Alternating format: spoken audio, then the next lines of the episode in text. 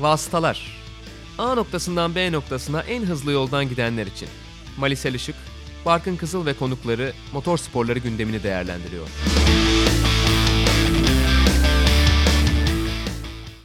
Vasıtaların 12. bölümüne hoş geldiniz. Abu Dhabi Grand Prix'sini geride bıraktık. 2019 Formula 1 sezonunu geride bıraktık. 2010'ları geride bıraktık. Bir 10 yılı geride bıraktık.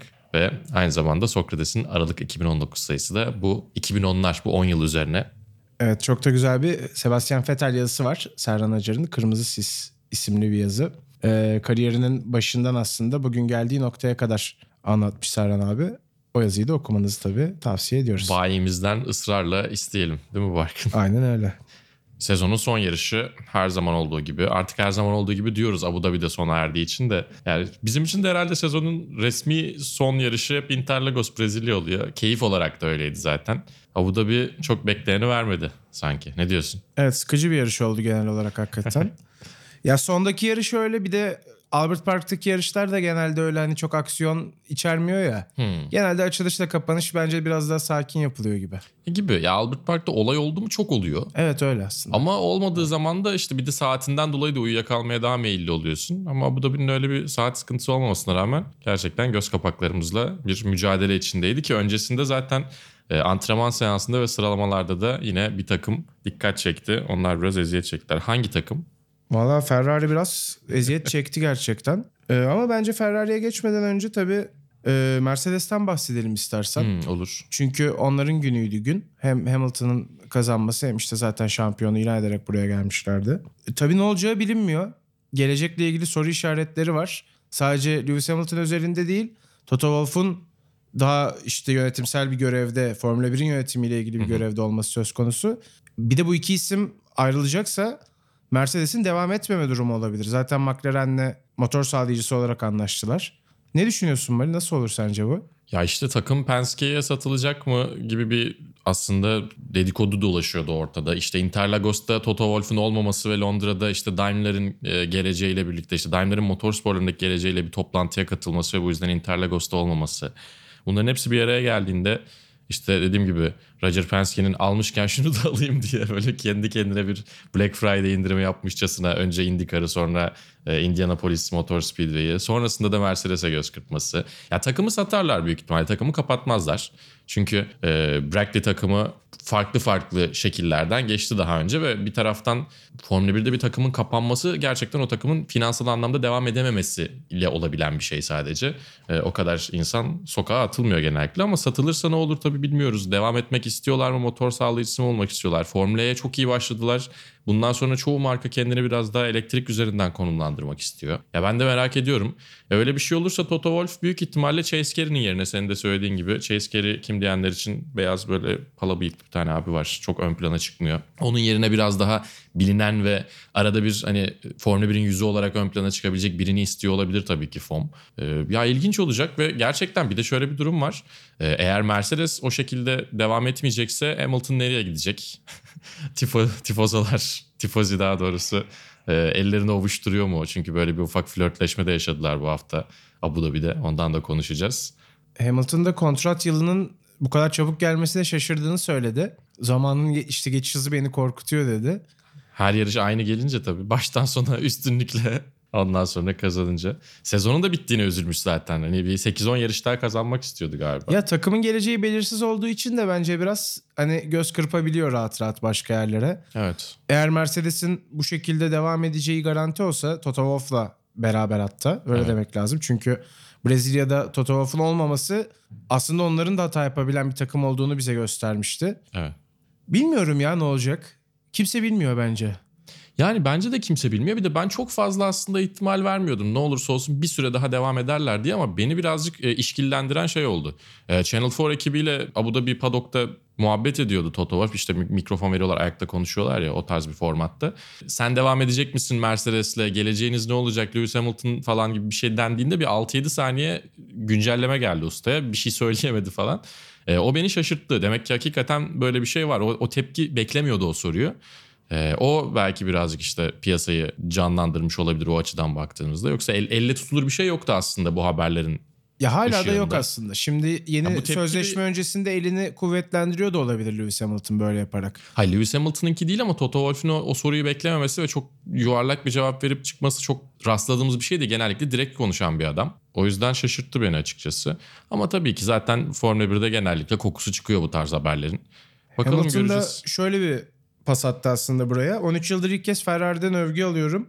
Sonunda yaptığım işi fark ettiler dedi Binotto'nun övgü dolu sözleriyle ilgili. Evet. Ya bu bilmiyorum ne kadar doğru. Gerçekten ilk defa mı birisi Hamilton'la ilgili olumlu konuşuyor sanmıyorum.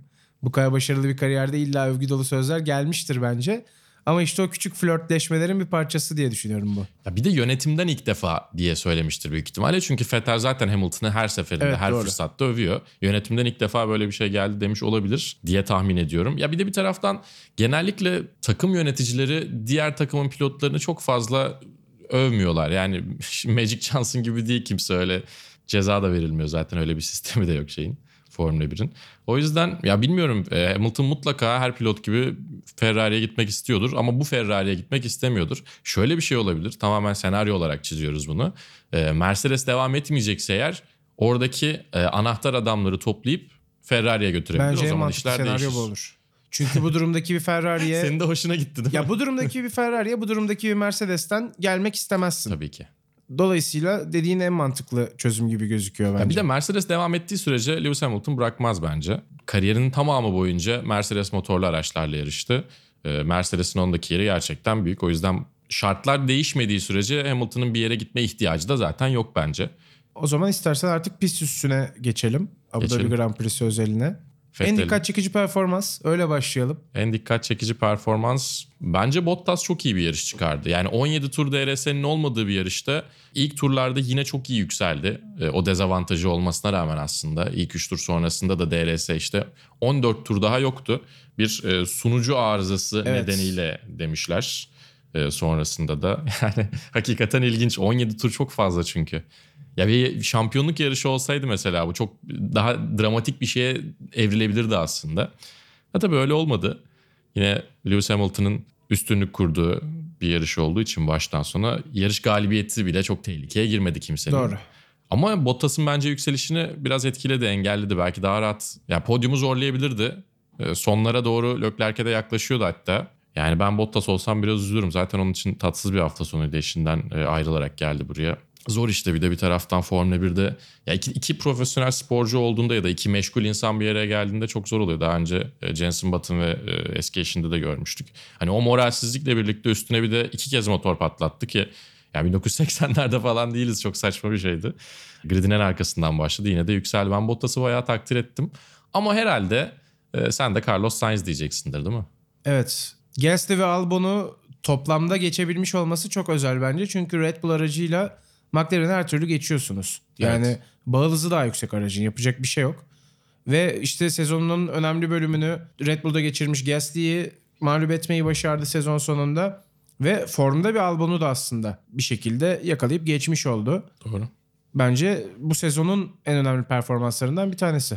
Olabilir yani sezonda mutlaka ilk üçe koyarız. Ya bir tabii ki İlk Hamilton. üçe kesin koyarız evet. İlk üçe kesinlikle koyarız. Yani hatta Hamilton, Verstappen, Sainz deriz. İlerleyen vasıtalar bölümünde bölümlerinde daha doğrusu genel bir sezon ve belki 2010'lar değerlendirmesi yapacağız. Bu arada yine e, tekrar söyleyelim SoundCloud'a, Twitter'a yorumlar bırakabilirsiniz. Ne tarz formatlar görmek istiyorsunuz? E, ya da hani sorularınız varsa onları da değerlendireceğiz. Tabii sezon bittiği için biraz içerik ihtiyacımız da var. Hem de sizden gelen bir şeyler olursa yönlendirmeler ona göre de yaparız. Keyifli olur. Bize yorum bırakmayı unutmayın.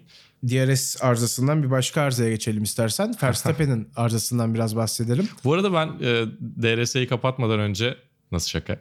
E, yarış sonrası Fettel şey demiş. Almanya 8. liginde görülecek şeyler demiş. Gerçekten öyle ama ya. Yani bir de sonra şey tabii çok paraları yok anlayış göstermek lazım demiş.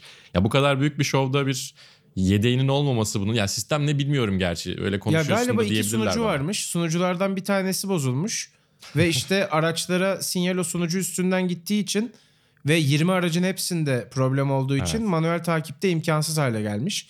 Şey diyorlar eğer bir araç tabii arıza olsaydı onu biz kontrol ederek data üstünden kendimiz Hmm. de ayarlayabilirdik. Ama işte bütün araçlarda olunca takibi imkansız hale geldi. Biz de sistemi kapattık demişler. Yedeği de patlamış yani öyle mi? Hmm, ona yapacak bir şey yok. Ya ben uzun zamandır hatırlamıyorum. 2009 Macaristan sıralama turları olması lazımdı. Son turlar e, zaman ekranlarında ortaya çıkmamıştı. Herkes birbirine soruyordu kim geçti diye. Herhalde 2009 Macaristan'dı. Öyle hatırlıyorum. Ya da 2008 olması lazım. Bir Yani de James son Hunt'ın şampiyon olduğu Suzuka yarışında.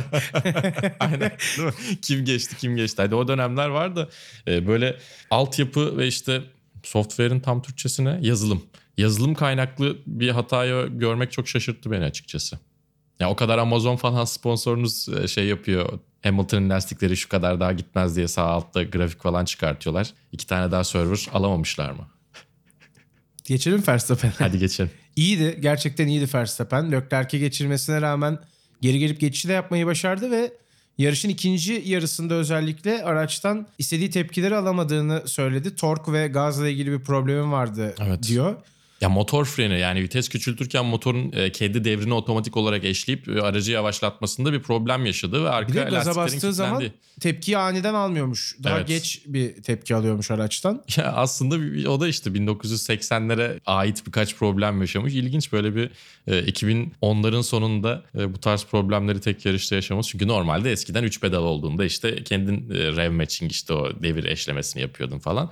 E, bir de bir taraftan e, el freni gibi arka lastikler kilitleniyor frenaj esnasında diyordu. Ona rağmen bunu dedikten iki tur sonra falan en hızlı tur zamanını attı bu arada.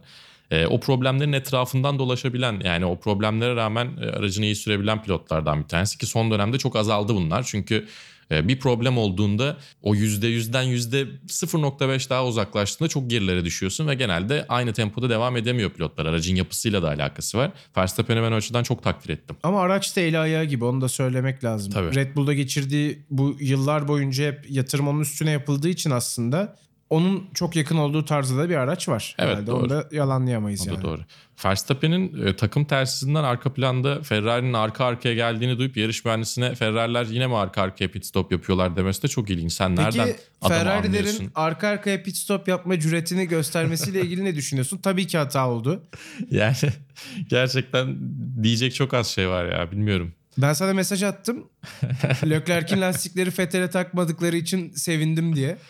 Ama yine 7 saniye yakın süren bir pit stop oldu Vettel için. Evet ya arka arkaya da aslında çok dip dibe değillerdi. Yine de solon lastikte Galiba, patladılar galiba, galiba. değil mi? İlk, ilk, ilk pitlerdeydi işte 13-14. turda falan olması lazım. 6.9 saniyelik bir pit stop yaptılar. Ve ilginç yani. Normalde arka arkaya pit stop işte güvenlik aracında şurada burada yapıldığında ikinci araç arkada bekliyorsa bu kadar vakit kaybedersin. Öyle bir durum olmamasına rağmen Vettel'e aşağı yukarı 4.5 saniye falan kaybettirdiler diyebiliriz herhalde. Bir tek bununla da bitmedi tabii Ferrari'nin operasyon hataları. Sıralamalarda e, Q3'te son turları atamadılar. Ki Leclerc'in şansı vardı aslında Evet muhtemelen. çok tatsız.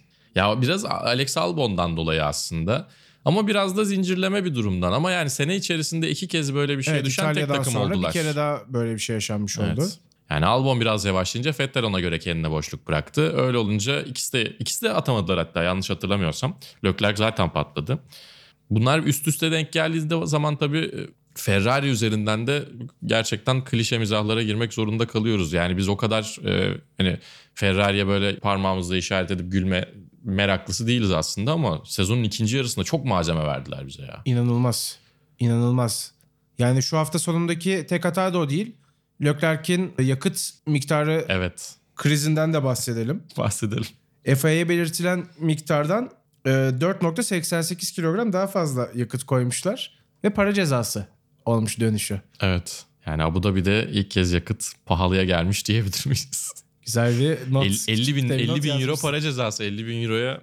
Herhalde ömür boyu Abu Dhabi'de hamurunu falan şey yaparsın. Fullersin deposunu. Yani çok ilginç gerçekten. Türkiye'de de bir yıl. Bu arada diskalifiye edilmediklerine şükretsinler. Onu da söyleyeyim. O kuralla ilgili Evet. e, şimdilik yani teknik kurallara e, aykırı değil ama sportif kurallara aykırı olduğu için diskalifiye edilmedi. Önümüzdeki yıl e, bu teknik kurallara da dahil edilecek ve deklare edilen yani bildirilen miktardan daha fazla ya da daha az olduğunda o fark belli bir miktarın üzerine çok cüzi bir miktarın üzerine çıktığında herhalde bir yüzde koyarlar ona diye düşünüyorum. Direkt diskalifikasyon gelecek ki Christian Horner şey diyordu herhalde %90 diskalifiye olurlar diyordu. Yarış öncesi bir de bu. Yani yarış daha başlamadan Ferrari bu tarz şeyleri yapmaya başladı. Kendilerini de geliştiriyorlar bu konuda takdir etmek lazım. Ve hani Binotto hala kışın şöyle çalışmamız lazım, böyle çalışmamız lazım diyor.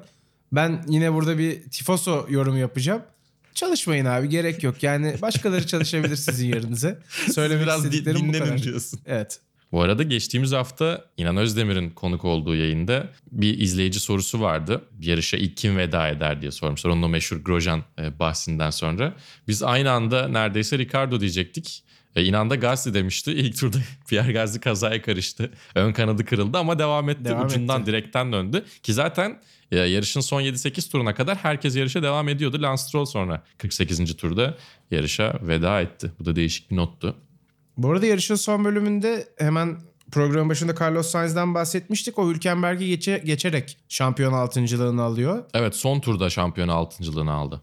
Sergio Perez de Lando Norris'i geçiyor son turda ve bu iki olay da ekrana gelmiyor. Yine Ki burada orada da şampiyonada sıralama değişti. Doğru doğru tabii. Bunda hemen benim aklıma Carlos Sainz'in orta sıra mücadeleleri çok fazla ekrana gelmiyor açıklaması hatırıma geliyor. FOM gerçekten penguen belgeseli gösteriyor. Ortada bir şeyler dönüyorken. Yani doğru söylüyor demek ki. Bu kadar Evet. tesadüf olamaz. Çünkü biz de dikkat etmeye başladık biraz. Ya şey gibi bir de sol taraftaki o sıralama grafiği FM gibi sürekli oynuyor. Oradan şey yapabiliyoruz. Eski işte 2002 model menajerlik oyunu oynuyor gibiydi. Orası sürekli hareket ediyor çünkü. Pitlerden çıkışta Grosjean geldi onu geçtiler. Hülkenberg geriye düştü. Lando Norris, Carlos Sainz, Sergio Perez herkes var orada. Ama gerçekten ekrana gelmedi. Ön tarafta bir şey de olmuyor. Ya bir galibiyet mücadelesi de yok. Bottas bir ara Leclerc'e yaklaşıyordu sonlara doğru. Belki onu söyleyebilirsin. Ya onun dışında Lewis Hamilton damalı bayrağın altından geçti. Biraz sevindi. Bir şeyler oldu falan. O da tamam. Ya bir 15-20 saniye arkaya dönmesi gerekiyordu bence. Yani sonrasında internetten izledik. E, o konuda bence önümüzdeki yıl biraz e, diğer takımların da bastırması gerekiyor. Hatta e, Concord anlaşması bittikten sonra 2021 için biraz yayın ve reji anlamında da bir iki madde koydurmaları gerekiyor. Çünkü sponsorlar da var. Her hafta yeni bir sponsor ekliyor McLaren mesela. Zac Brown'un özel çalışmalarından bir tanesi. O adam deli gibi çalışıyor. E, o sponsorlar ekrana gelmeyince bir de aksiyonlu bir yarışta kendilerinin iyi bir şeyler yaptığı yarışta ekrana gelmeyince abi ne oluyor diye oturur sorarlar. Ya görmediğimiz sürücüler oluyor yarışta. Ben George Russell'ı en son ne zaman gördüm hatırlamıyorum mesela.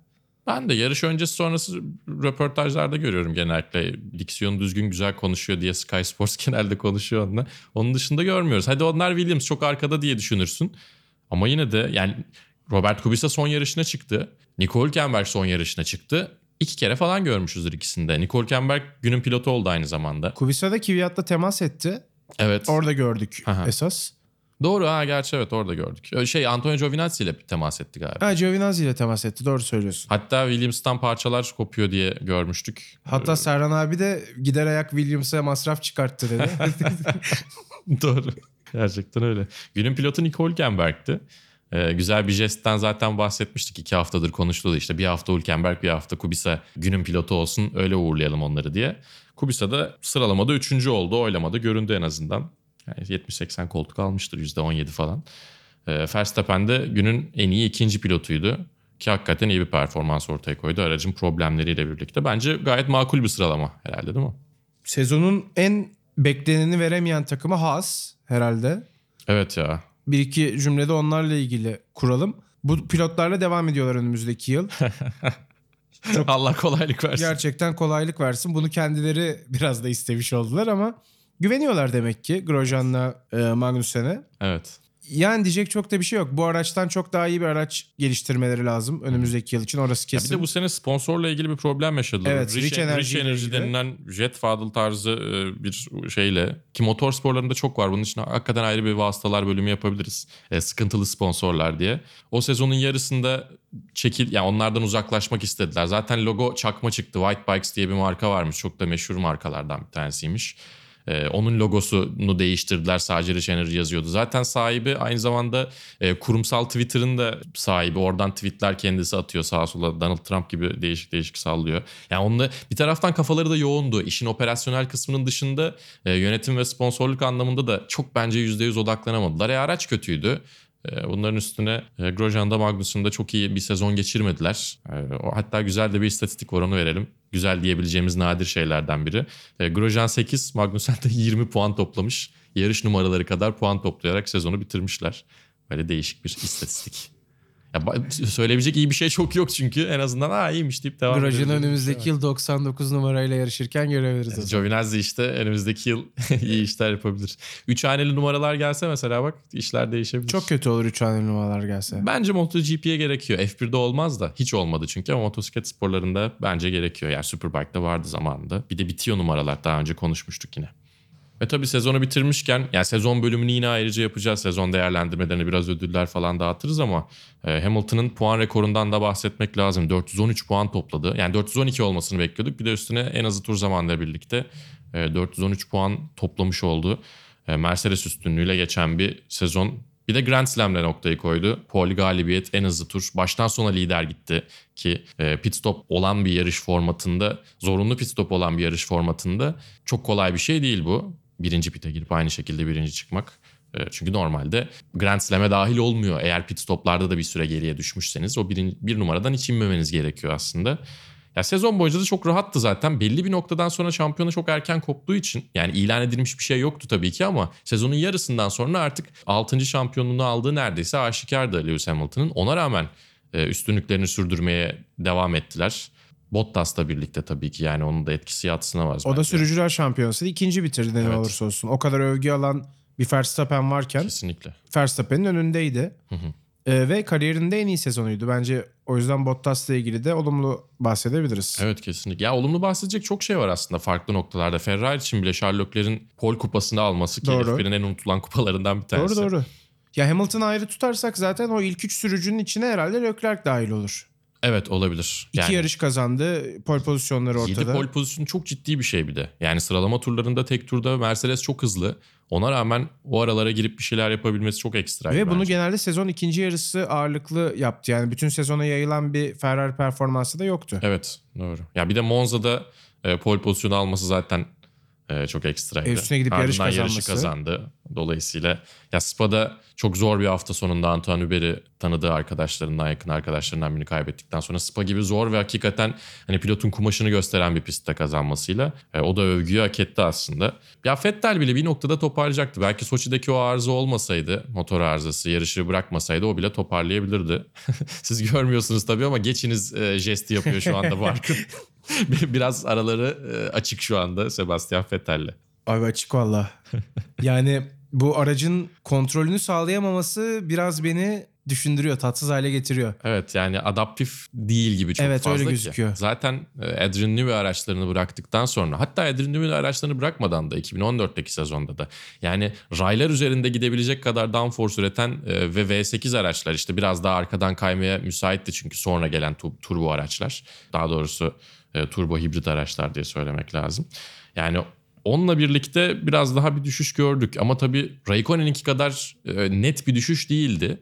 Ama yine de yavaş yavaş hala o sürüş stiline bir türlü kendini adapte edemediğini görmek. Yani gününde olduğunda hakikaten iyi de gününde olduğunda yarış kazanabilecek pek çok pilot var. Bu çok derin bir yorum olmadı açıkçası. Abu Dhabi'de de analiz şelalesi spinler yaptım. var bir de. Çok güncel yani. Evet evet Bu antrenmanlarda. Antrenman sıralama sonra turlarında. sıralamada. Yani nasıl toparlayacak bilmiyorum. Toparlarsa hepimiz için iyi olur. Yani Fettel'i öyle görmek beni mutlu etmiyor açıkçası. Ya da beni eğlendirmiyor herhangi bir şekilde. Beni de eğlendirmiyor. gelmiyor. Ya sevdiğim bir karakter zaten pist dışında. Evet. Ama işte pist üzerindeki bu performans zaten takım kötüyken hiç yani elle tutulur bir başarının gelmemesine sebep oluyor. Evet ve çok sert eleştiriliyor çünkü Ferrari'de ve şampiyon olması bekleniyor. Doğru. Lewis Hamilton'ı geçmesi beklenen ilk adam diye görüyorduk. Önümüzdeki yıldan itibaren artık Verstappen deriz diye düşünüyorum. Serhan Acar'ın yazısında Sokrates'te okuyabilirsiniz. Aynen öyle. Kırmızı sis o sislerin arasından bakalım nasıl kurtaracak kendini.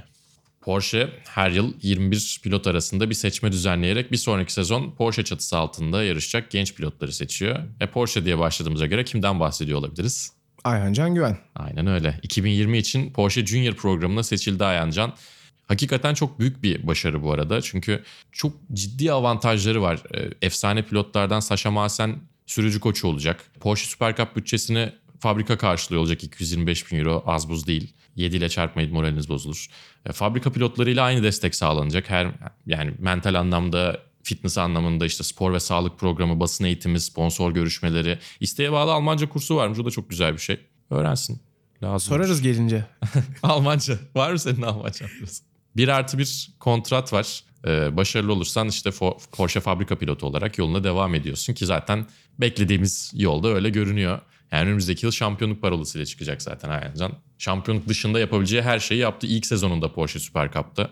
Ya aşırı hak edilmiş bir başarı bu. Yani Porsche Junior olmak öyle tepeden size gelen bir şey değil. Önce sizin bir şeyler sunmanız gerekiyor ki onu görerek Porsche sizi bu programa dahil ediyor ki bu sene e, Julian Andauer zaten Ayhancan'ın en önemli rakiplerinden bir tanesi. O Porsche Junior'ıydı Jackson Evans'la beraber. İkisi de Porsche Süper Cup'ta Ayhancan'ın rakibiydi. Ayhancan Ama ikisini de ikisini- mağlup etti. İkisini de üzdü biraz. Aynen öyle. Hatta Jackson Evans Ayhancan'ı biraz üzdü. Hatırlayacaksın Monza'da Evet, yarış Monza'da. kazanacakken belki bir temas yaşamışlardı. Doğru o konuda Jackson'a ben de kırgınım. Haklısın kırgın olmakta. Ee, neyse çok önemli. Yani umarım buradan fabrika pilotu olarak ayrılır ve işte o hep istediği GT serisine ya da işte Le Mans'a dahil olur. Dayanıklılık serisine dahil Daytona'dır, olur. Bathurst'tur, odur, Aynen budur. öyle. Yani çok ge- geniş bir skala var Porsche'nin elinde. Bir de şeye bir kez daha ben temas etmek istiyorum. Yani e, Renault'un, Ferrari'nin veya diğer markaların bir genç sürücü programları oluyor. Onlar biraz çeşit olsun diye işte araya e, bir Asya'dan pilot, işte bir farklı bir pazardan pilot da katabiliyorlar. Porsche bu konuda gerçekten kılı kırk yarıyor. Ya çok hedef pilot seçmek istiyorlar. Aynen öyle ve hepsini bir araya topluyorlar zaten. Bir seçme yapıyorlar yani herkes aynı anda bir piste çıkıyor. Ee, Paul Ricard'daydı o da zaten çok sevdiğimiz pistlerden bir tanesi. yani e, Ayancı'nın bu arada sevdiği pistlerden bir tanesi olabilir. Bu sene inanılmaz bir geri dönüşle son hafta e, Porsche Carrera Cup Fransa'da ikinci kez şampiyon olmuştu orada. İşte tekrar Porsche Junior programına katıldığı yer orası oldu. O Ama işte oldu. Mali bak aldığı sonuçları görüyorsun. Evet. Şampiyonluk. Çaylaklar şampiyonluğu Süper Cup'ta ve yine Süper Cup'ta Amermüller'in ardında ikinci sırada. Son haftaya kadar şampiyonluk Son haftaya verdi. kadar da aynen öyle. Şampiyonluk iddiası devam ediyordu. Belki Amermüller bir yarış dışı kalsaydı şampiyon olacaktı. Ve Ayancan buraya gelmeden önce hedefinin ikinci sezonda şampiyonluk işte ilk sezonda da bir yarış kazanmak olduğunu ifade ediyordu.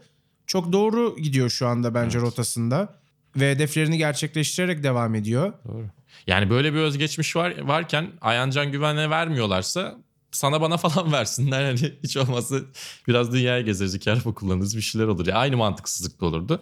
Ee, gerçekten baktığımızda hani benzer kalibrede herhangi biri de yoktu açıkçası o seçmelerde. Ama tabii ki yani motor sporları için Türkiye biraz daha yeni bir pazar. Biraz daha çekingen davranıyorlar mıydı bilmiyorum tabii ki.